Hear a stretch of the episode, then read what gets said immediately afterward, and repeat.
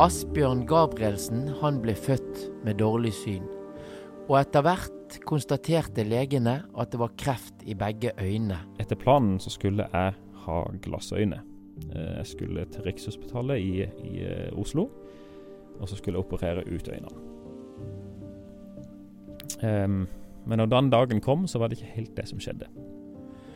Øynene de fikk han beholde, men han eh, så fortsatt dårlig. Under oppveksten så følte han seg annerledes enn sine jevnaldrende, og ble òg til tider mobbet. Men, men, jeg husker av og til at det var sånn at de kom noen stykker, og så reiv han med brillene og trødde på dem. Eh, og det var jo ikke noe gøy å oppleve. Nå, nå bruker han synshemmingen sin som en ressurs i jobben sin med ungdommer. Jeg heter Asbjørn Gabrielsen. Jeg er 35 år gammel.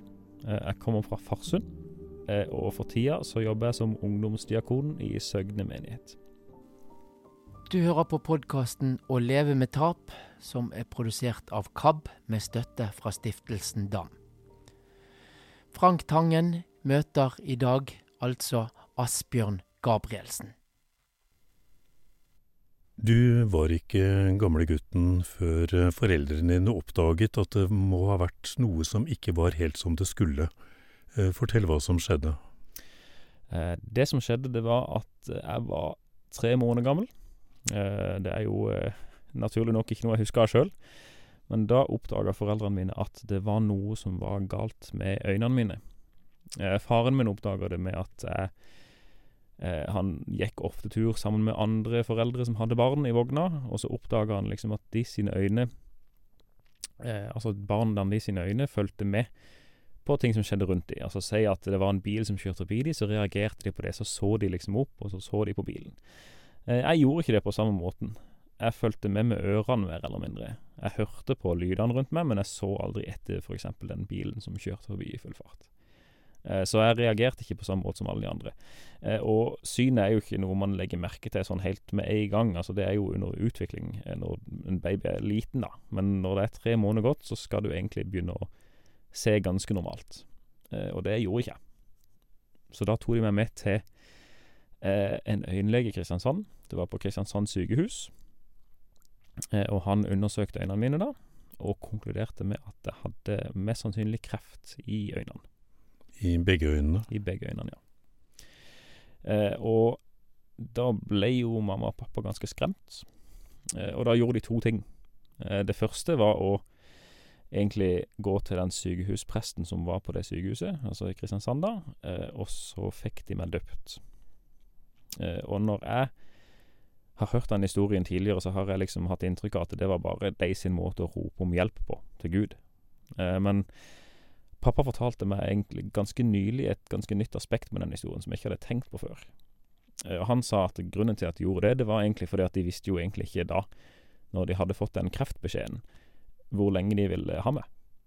Så da var det litt sånn Altså hvor lenge jeg kom til å, om jeg kom til å overleve, ikke sant, og hvor lenge jeg kom til å overleve. Da ble de litt skremt, og da ville de få meg døpt, rett og slett. Um, og den andre tingen de gjorde, det var å skaffe en second opinion. Så da gikk de til en annen, en annen øyenlege, eh, sånn utenfor sykehuset da, som eh, skulle komme med en sånn uavhengig second opinion, da. Og denne legen konkluderte med det samme. Den eh, konkluderte begge to med at jeg hadde kreft i øynene. Og da eh, er jo på en måte løsninga for å kunne redde Eh, redde meg, eh, så var det i hvert fall på den tida så var det egentlig løsninga å operere ut øynene. Eh, så etter planen så skulle jeg ha glassøyne. Jeg skulle til Rikshospitalet i, i Oslo, og så skulle jeg operere ut øynene. Og det skulle selvfølgelig skje da på mamma sin bursdag, så det husker hun veldig godt. Det var mamma sin 30-årsdag. Um, men når den dagen kom, så var det ikke helt det som skjedde. Uh, og Eh, mamma og pappa meg, har fortalt meg den historien ganske ofte. Uh, og de har fortalt at de mobiliserte veldig mye av familien min eh, til å be.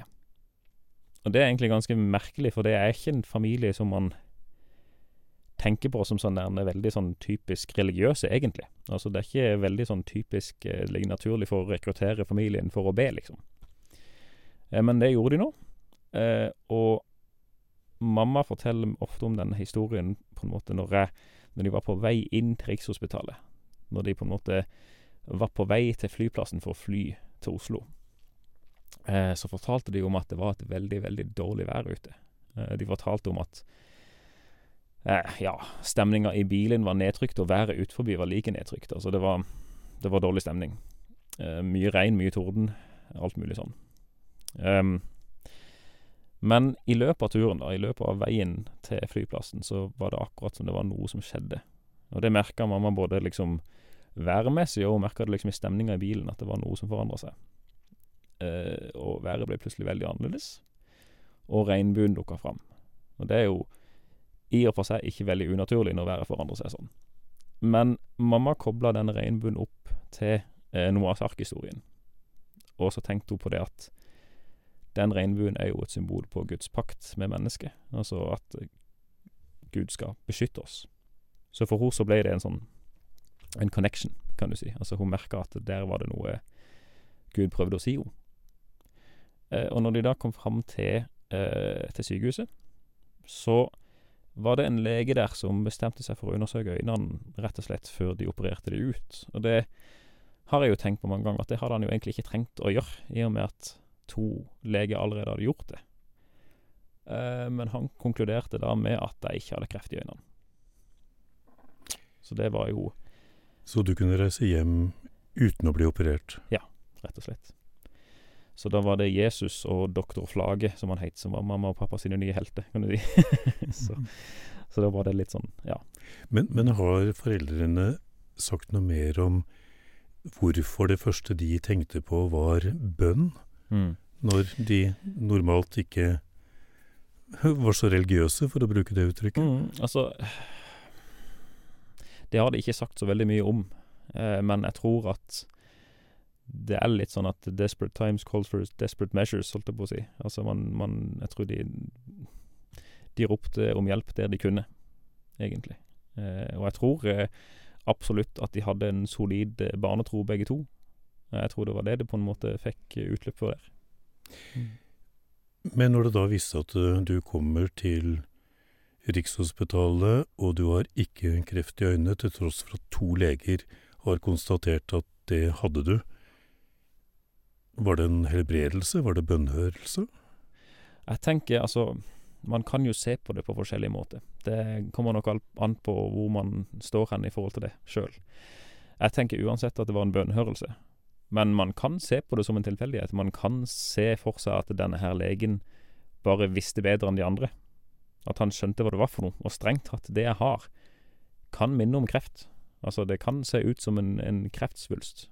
Eh, så det er ikke så kan tenke seg at de andre to legene tok feil. Samtidig så eh, tenker jeg jo at hvis ikke den legen hadde faktisk tatt den kikken på øynene mine, så hadde jeg jo vært blind i dag. Eh, det i seg sjøl en ganske sånn stor Ja, stor sånn Hva skal jeg si gudfeldighet. Eh, når det er en lege på en måte som ikke nødvendigvis trenger å kikke på øynene mine, som tilfeldigvis skjønner hva det er for noe, og jeg da slipper å, å miste synet. Eh, jeg har jo lite syn, men jeg, har, har, jeg er ikke blind, og det er en ganske stor forskjell på det. Um, så det går an å se på det på alle måter. Altså, det går an å tenke seg at det var en helbredelse. Det går an å tenke seg at uh, Gud leda akkurat den legen til å se på meg før det var for seint. Og det går an å tenke seg at det var helt tilfeldig. Jeg får jo lyst til å innvende at hvis Gud først var blandet inn i dette, så kunne han jo da like gjerne ha gitt deg synet. Nettopp det. Og det har jeg, det har jeg stilt spørsmål med mange ganger sjøl. Men samtidig så kan man tenke det at Altså Det er liksom det at man kan være bitter for det man kanskje kunne ha tapt, eller har tapt, men samtidig så kan man òg være takknemlig for det man faktisk har. Altså Og jeg har jo faktisk Jeg ser noe, og jeg kunne vært helt blind. Eh, og altså si at det hadde vært en helbredelse inne i bildet, så er jeg jo enig med det. Så skulle en jo tro at han hadde helbreda hele synet mitt. Men samtidig, det, det er litt for, for mye for meg å tenke at den legen Det var tilfeldig. Har synet ditt vært noenlunde stabilt uh, gjennom hele livet ditt uh, etter dette? Ja, Det har det. Jeg har vært uh, inne på veldig mange kontroller, fordi at det var noe legene var veldig usikre på sjøl om kom til å være stabilt. Så helt fra jeg var liksom null til tolv, så var jeg inne på sånn halvårlig kontroll med synet mitt. Og det holdt seg helt stabilt, og det hadde gjort i all tid etter det, egentlig òg. Så du kommer hjem fra Rikshospitalet, du er tre måneder gammel, og så får du en oppvekst som synshemmet. Hvor mye ser du? Jeg ser um, Altså, hvis den, den letteste måten å forklare det på, det er å si at hvis en normal person ser et skilt fra 60 meters avstand, eh, si et normalt veiskilt eller et stoppskilt eller hva som helst, eh, så må jeg stå på tre meters avstand for å se det likt som de. Altså for å se det like godt. Dårlig sjåfør, med andre ord? Ja, veldig dårlig sjåfør. så jeg bør ikke være bak rattet på noe som helst. Ikke engang en sykkel, tror jeg. Så det, ja. Mm.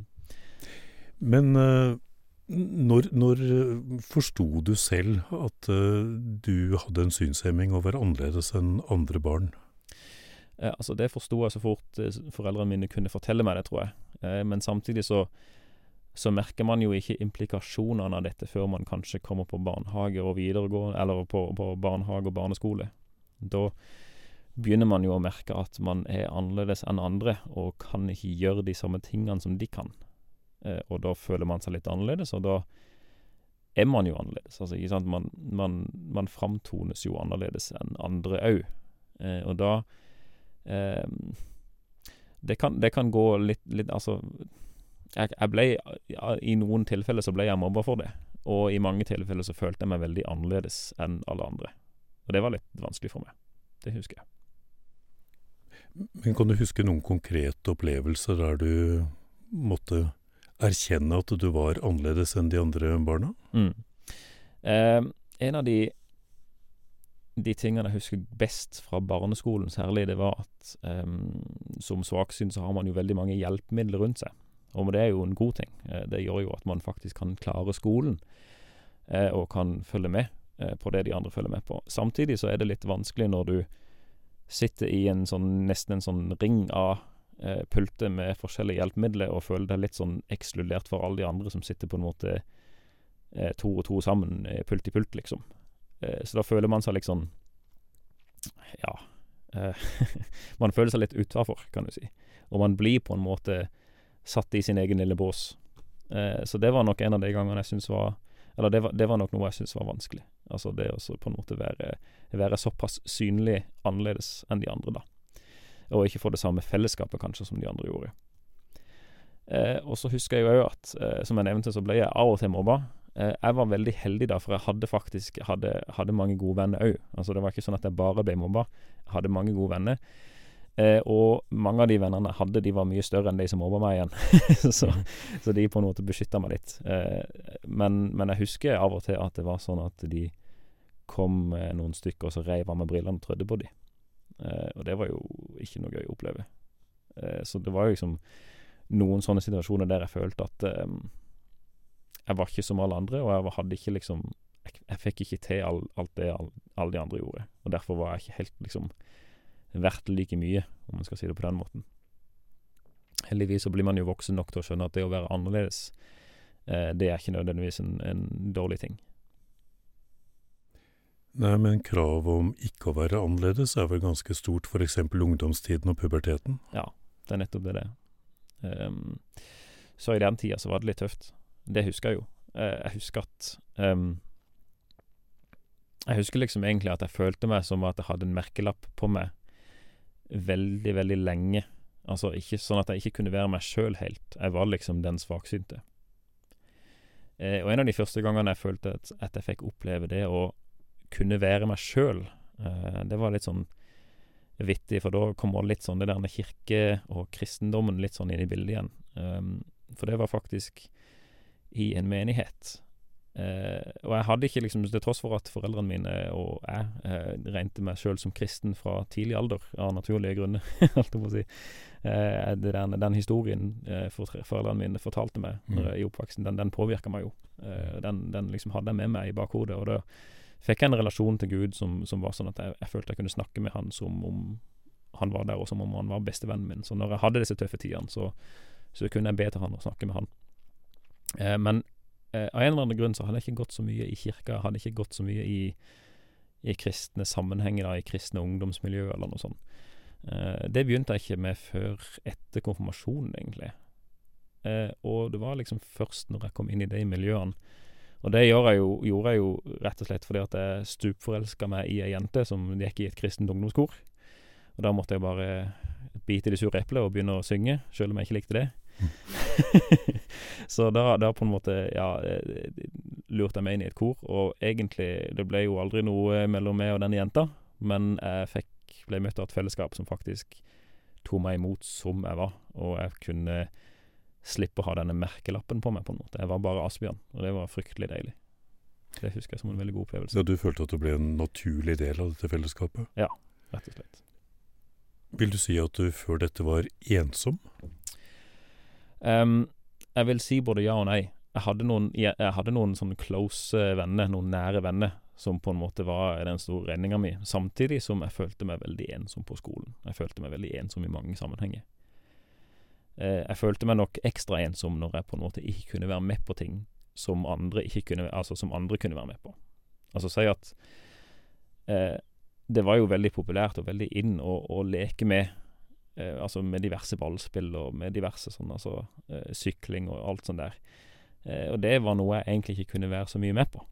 Eh, så det husker jeg jo var litt sårt. Um, en av de tingene jeg kunne være med på, og som på en måte foreldrene mine skjønte ganske kjapt at jeg kunne være med på, det var at de skjønte at jeg var veldig glad i dataspill, uh, og kunne få, få, det til hvis jeg hadde en stor nok skjerm.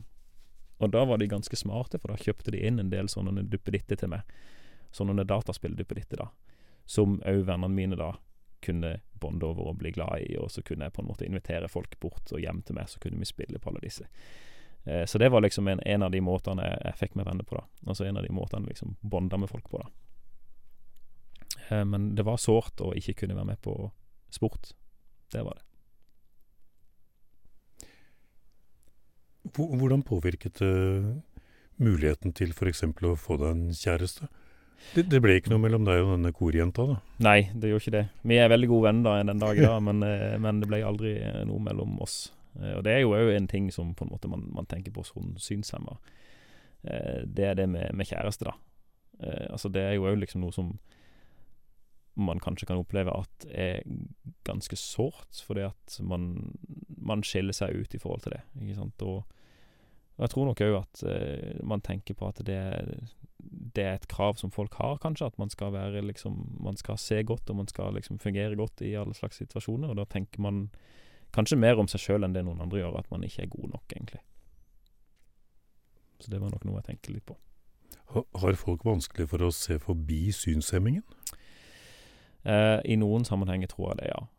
Men eh, du kan si etter hvert som man blir voksne, altså i hvert som man, man vokser til, eh, så altså, vokser jo de menneskene du henger med til òg. Altså, alle, alle, blir jo voksne etter hvert. Og da da merker man jo at disse merkelappene eh, som er, de forsvinner mer og mer. Eh, så nå, i, i, i, i, livet mitt nå, og i livet mitt sånn som 20-åring og så oppover, så merka jeg jo mindre og mindre til den, til den synshemminga, på en måte. Jeg, jeg merka jo at liksom han var der, og han var jo en utfordring sånn som han var, men, men jeg merka ikke liksom at det var noe Altså, det, det, det, har jo med flere ting å gjøre, da. Altså, for det første så er det jo det at jeg sjøl eh, ikke syns det var så vanskelig å være annerledes lenger. Jeg ble mer komfortabel med det og skjønte at i mange tilfeller så er det faktisk en god ting. Og for det andre da, så er det jo òg det at folk skjønner at det er en del mer med det enn det å bare være svaksynt. Så det er en fin kombinasjon, tror jeg. Hvilken betydning har den eh, bakgrunnen du har beskrevet nå fått for yrkesvalget ditt? Eh, jeg vil nok si ganske mye. Eh, både den opplevelsen med at eh, liksom den helbredelsen, eller om en skal si eh, gudfeldigheten, eller hva en skal si, den har betydd mye for meg. Men òg den opplevelsen hadde med å komme inn i en kirke, en komme inn i en menighet, komme inn i et ungdomsmiljø, eh, som tok meg imot som jeg var. Eh, og det har liksom Det har brakt meg videre på den veien mot ungdomsdiakon og mot å jobbe i kirka ganske sånn kraftig, vil jeg si. Eh, for det jeg jobber med nå, er jo egentlig å prøve å få til lignende miljøer. Altså for, for, folk har mye å, mye å slite med, altså.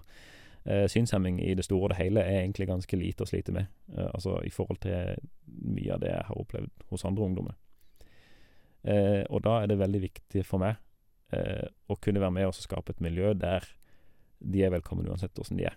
eh, og der de kan på en måte slippe alle merkelapper og senke skuldrene, og bare være seg sjøl. Kan du bruke din funksjonsnedsettelse konstruktivt i den sammenhengen?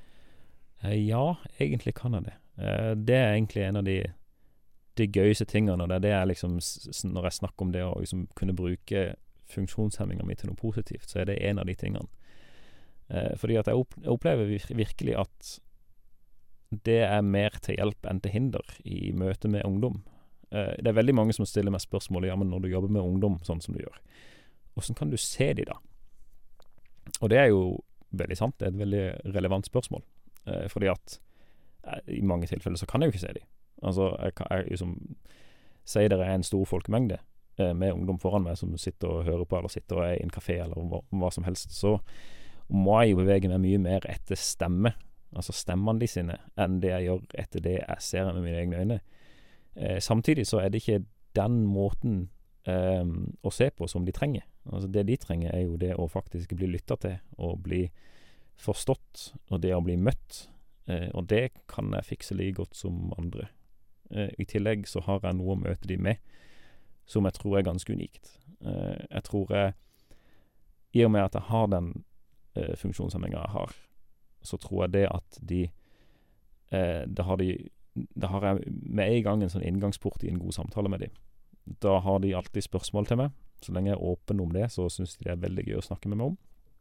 Og så opplever jeg at de som har ting å bære på, de kan kanskje lettere dele det med meg, da, siden de vet at jeg har hatt litt å bære på sjøl.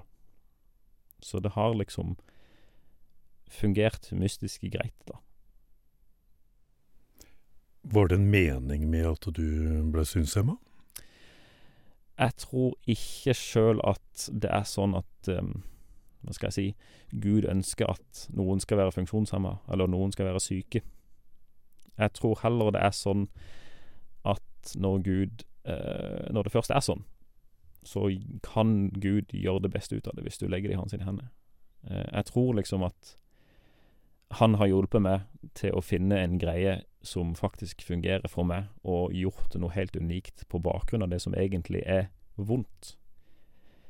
Eh, og det er ikke det samme som å si at det er en mening med det. Det er det ikke. Jeg tror det er bare rett og slett det at Gud er en kløpper til å gjøre noe Gjøre noe med noe som egentlig er vondt. Altså kunne bruke det til noe. Vi har så vidt vært inne på dette med helbredelse. Og det er jo et spørsmål som er uh, veldig vanskelig for mange som har en funksjonsnedsettelse, og som også mm. er nokså omstridt, kan du si, innenfor kirkelige teologiske kretser. Ja. Uh, da du skulle ta din uh, master i teologi, så skrev du masteroppgaven om helbredelse. Ja. Og der skriver du også ganske mye om dine egne erfaringer. Ja, jeg gjør det. Og mye av det som trigger det um, Jeg husker faktisk veldig godt at min, min, altså min veileder i master, masterstudiet, han anbefalte alle sammen å liksom, gå for noe som enten engasjerte eller provoserte når det gjaldt problemstilling. Altså det du måtte skrive om, for å kunne klare å holde ut og skrive om det i et år, så måtte du velge noe som på en måte enten engasjerte eller provoserte. Og for min del så tror jeg jeg fikk til begge deler. så, så jeg, jeg, valgte egentlig å skrive om eh, psykisk integritet og verdighet i møte med helbredelsesteologi og helbredelsespraksis i eh, norske menigheter. Hva var det som provoserte? Det var egentlig det at um, altså som, som, kristen og som på en måte en ny student og søkende student i, i, Kristiansand, så husker jeg det at jeg kom i kontakt med mange forskjellige sånn framgangsmåter når det gjaldt det å ja, til, tilnærme seg syke på, da. Noen var veldig på dette med helbredelse. Altså De ville virkelig liksom vise at dette var noe de på en måte de nesten overfalt deg i døra, ikke sant, og så skulle helbrede det. Eh, og det var jo ubehagelig på sett og vis. Mens andre turte ikke liksom, nevne det i det hele tatt. De nevner ikke det som en mulighet. Og en av de mest ubehagelige opplevelsene jeg, har hatt i møte med en, um, en kirkelig leder. Det var rett og slett at jeg kom inn i en ny menighet. Jeg skal selvfølgelig ikke si åssen menighet det var. Um, og der ble jeg veldig varmt tatt imot av en av pastorene der.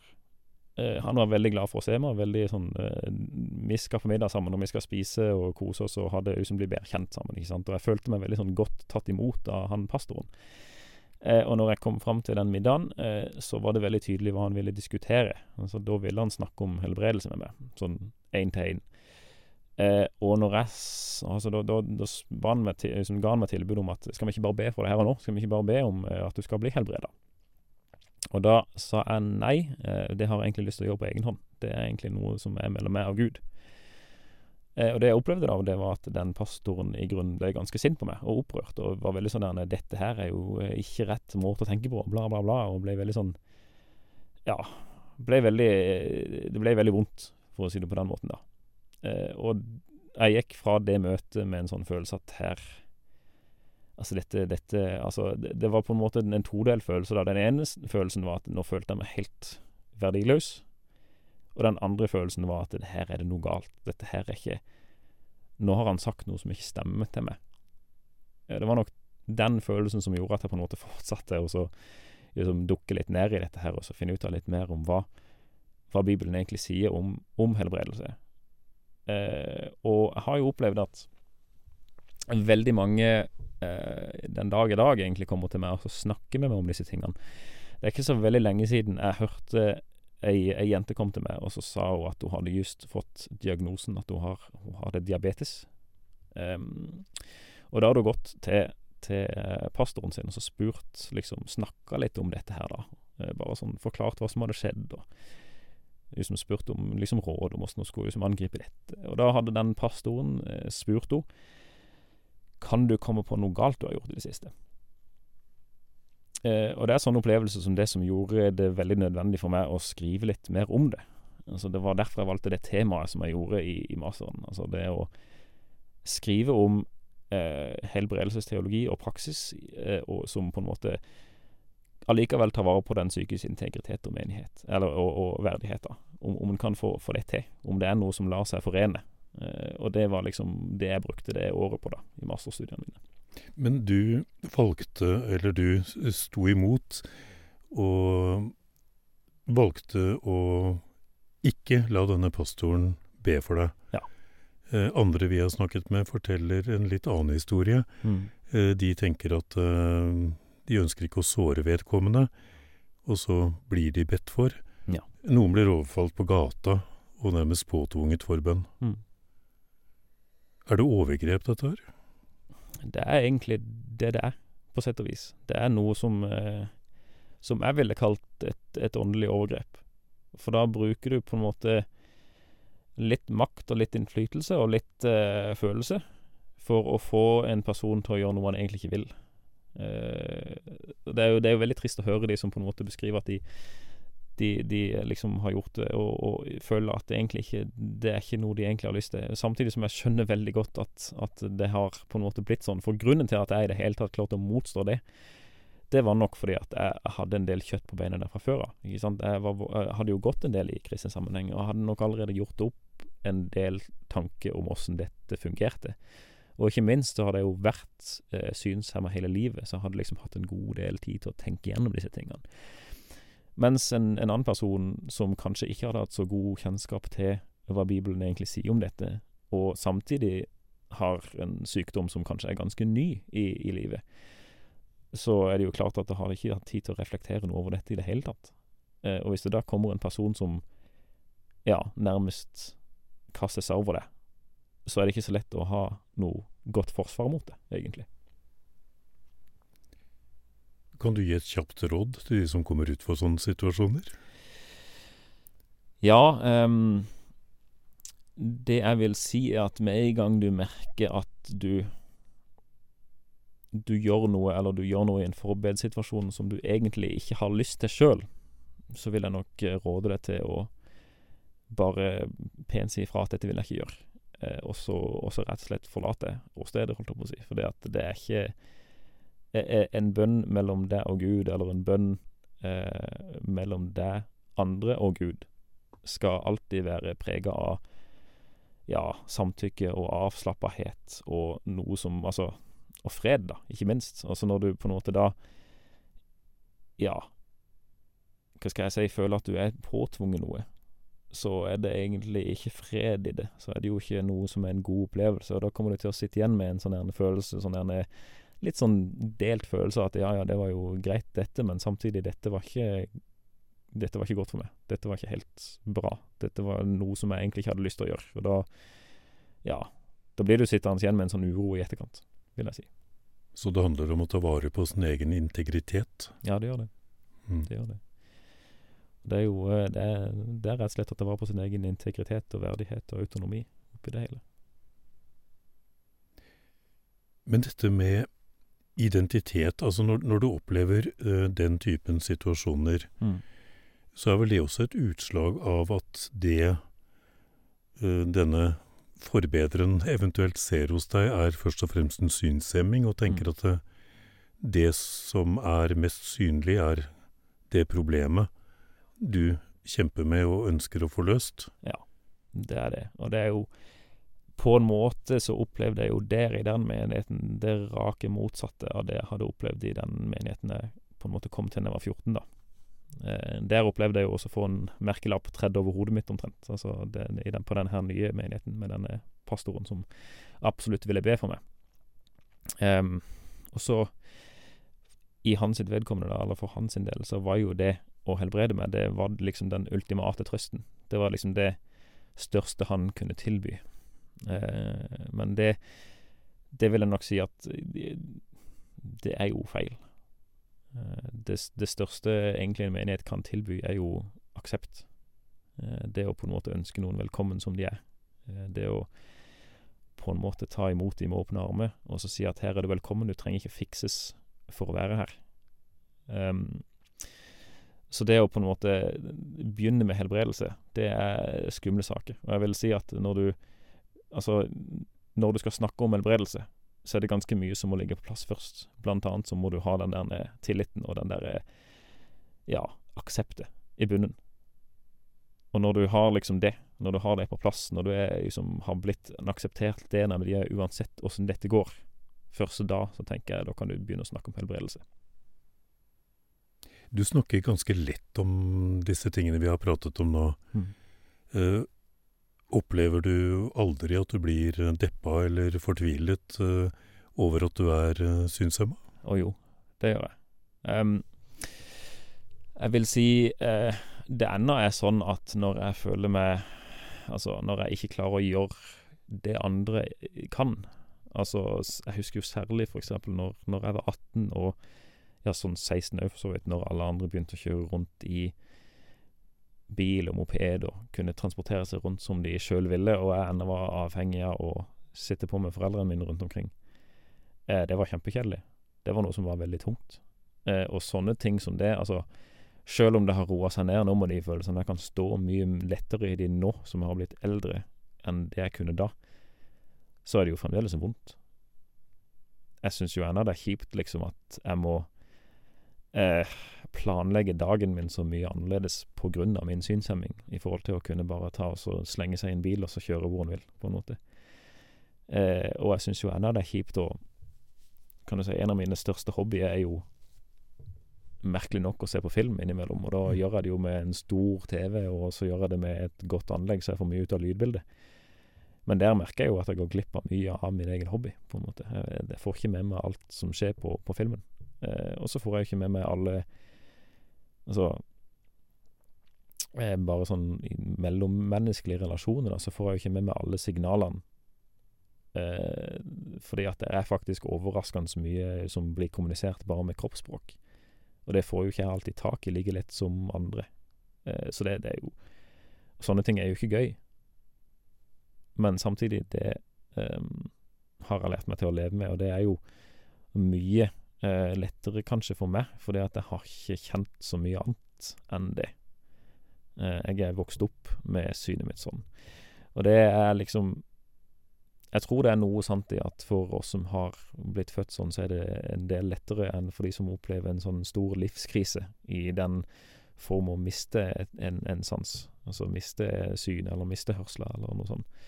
Eh, samtidig så har vi den utfordringa at vi aldri får liksom har opplevd åssen det faktisk er å ha fullt ut velfungerende sanser. Så det er liksom eh, Det er en sorg i seg sjøl, det òg. Så det er, det er, litt sånn både òg, det der. Men vil du si at nå har du akseptert at slik kommer det til å være resten av livet? Ja, det vil jeg si jeg har. Men det betyr ikke at det ikke er vanskelig innimellom. Det er det jo ofte, liksom. Eh, men, men, det er noe jeg kan le, le, leve med. Det er noe jeg liksom har funnet en sånn Jeg har funnet et godt liv på tross av det, ikke sant. Jeg har funnet eh, på mange måter faktisk et godt liv på grunn av det. Altså, sånn som jeg nevnte med, med, med, tanke på hvor jeg har endt opp, og det jeg jobber med nå. Um, altså Jeg tenker åssen livet mitt hadde vært uten det. det hadde, altså, jeg er så glad jeg har liksom endt opp der jeg er. Og det hadde jeg jo ikke gjort, mest sannsynlig, hvis det ikke hadde vært for min historie, egentlig.